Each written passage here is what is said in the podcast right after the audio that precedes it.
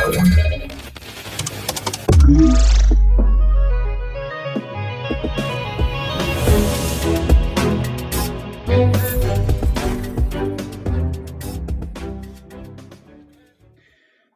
wszystkim, z tej strony Natan. Mamy 20 czerwca. E, karetki jeżdżą za oknem, jak zawsze w porze nagrywania podcastów. No a dzisiaj przed nami e, podcast e, Cyber Cyber, a w nim 15 podatności ujawnionych w przemysłowym systemie zarządzania od Siemensa, krytyczna podatność w Citrix ADM, funkcjonalność e, Microsoft Office 365, która pozwala na szyfrowanie przechowywanych plików na SharePointie i OneDrive. E, malware Brata ewoluuje w Persistent Threat oraz badacze przerywają działanie wielkiego botnetu AirSox.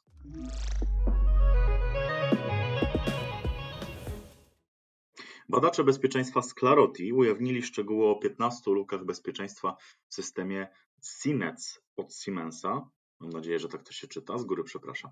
Niektóre z nich mogą być połączone, y, aby ostatecznie spowodować RCE, odmowę usługi czy wyciek poświadczeń. CVE są już nadane od zeszłego roku, natomiast y, dopiero 16 czerwca Clarity opublikowało raport badaczy. Łata jest już również dostępna.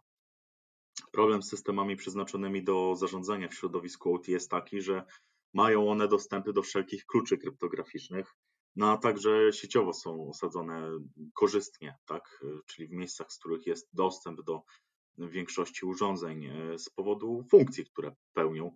E, także no, niebagatelna rzecz, e, łatamy i zapraszam do raportu. Kolejna krytyczna podatność tyczy się Citrix ADM które jest webowym systemem do utrzymania innych aplikacji i rozwiązań od, od Citrix. E, zespół e, CERT-u Europejskiego opublikował 17 czerwca, to jest 3 dni temu, e, informacje o odkrytych lukach bezpieczeństwa. Są to konkretnie dwie CVE. Jedna na zniszczenie systemu przez zdalnego, nieuwierzytelnionego usera dzięki resetowi hasła administratora oraz dostęp PSSH po domyślnych poświadczeniach po tym resecie. Na drugie CVE na przerwanie działania usługi zarządzającej licencjami produktów Citrix, e, co jak wiadomo no może wysypać dużo rzeczy czy funkcjonalności. E, update jest już wypuszczony, a użytkownicy cloudowi nie muszą wykonywać oczywiście żadnych dodatkowych kroków. Wspominam, bo e, ta usługa jest, jest głównie świadczona cloudowo według danych producenta. E, analitycy z Proofpoint e, odkryli ostatnio, że e, jedna z funkcjonalności w Microsoft Office 365 może wspomagać szyfrowanie przechowywanych plików na usługach SharePoint czy OneDrive. Chodzi o możliwość regulacji, ile wersji danego pliku jest przechowywanych w usłudze no tutaj oczywiście scenariusz jest prosty. Jeżeli mamy dostęp e, do plików użytkownika, możemy najpierw zmniejszyć e, tę liczbę przechowywanych wersji do tylko jednej, no a następnie zaszyfrować te pliki po prostu. No i tym samym nadpisać ten mechanizm wersjonowania, no tylko kopią, która jest już zaszyfrowana i bezużyteczna, bez, mm, bez klucza.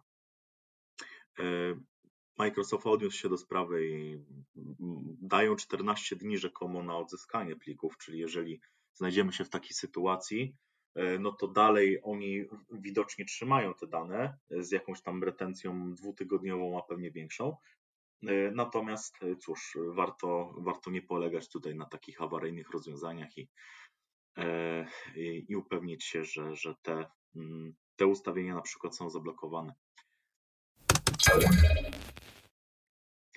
Aktor stojący za Trojanem brata zwiększył możliwości swojego programowania o zdolność kradzieży informacji. E, badacze w swoim raporcie wskazują, że modus operandi pasuje teraz już do grupy APT. Soft został zaktualizowany o nowe techniki phishingowe, nowe klasy przeznaczone do e, proszenia użytkownika o dodatkowe uprawnienia na urządzeniu. Jest też dropper, e, nawet dwustopniowy, komunikujący się z serwerem C2 Ogółem rzecz biorąc, malware jest dostępny od roku już 2019, więc może to być gratka dla ludzi bawiących się w analizę malware jako przykład takiego softu od zera do bohatera, no bo mm, debiutował jako prosty malware, no a teraz mamy do czynienia z kolejnymi analizami, które wskazują, że możemy tu już mówić o ataku APT, dodatku skierunkowanym na, na fundusze, tak, na kontach bankowych. Także niewątpliwie tutaj miłośnicy inżynierii wstecznej do boju. Dodam tylko, że, że targetem tego softu jest głównie Wielka Brytania, Włochy Hiszpania. Także na razie u nas na razie u nas niewiele tego widać. Jest to spowodowane ukierunkowaniem stricte w kodzie na wykrywanie poszczególnych informacji właśnie w językach angielskim, e, włoskim i hiszpańskim. E, także, także tutaj mm, tego typu case.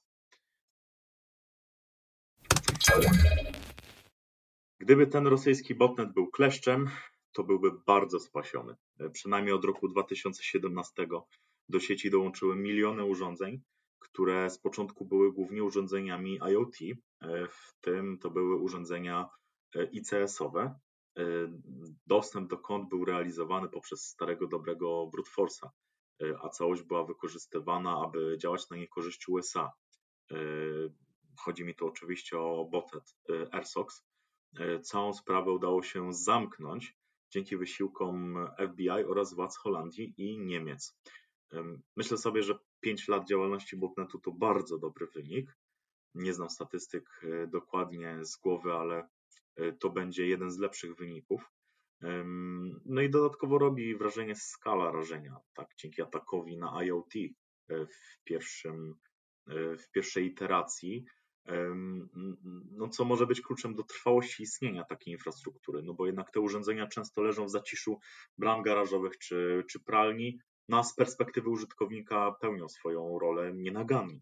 Także, także jest to e, dobry trop, jeżeli chodzi o budowanie botnetów, e, no i też tego typu zagrożenie, że takich e, urządzeń jest coraz więcej i, i ten przyrost jest, zdaje się, wykładniczy. Także Mm, także trzeba tutaj będzie no, nie wykluczać y, kamer IP czy, y, czy pralek podłączonych do Wi-Fi.